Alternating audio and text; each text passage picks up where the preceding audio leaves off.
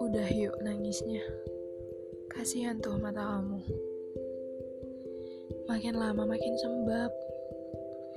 Daripada terus-terusan tangisin pasangan yang katanya sayang banget sama kamu, tapi malah ninggalin demi orang lain, mending kamu bangkit.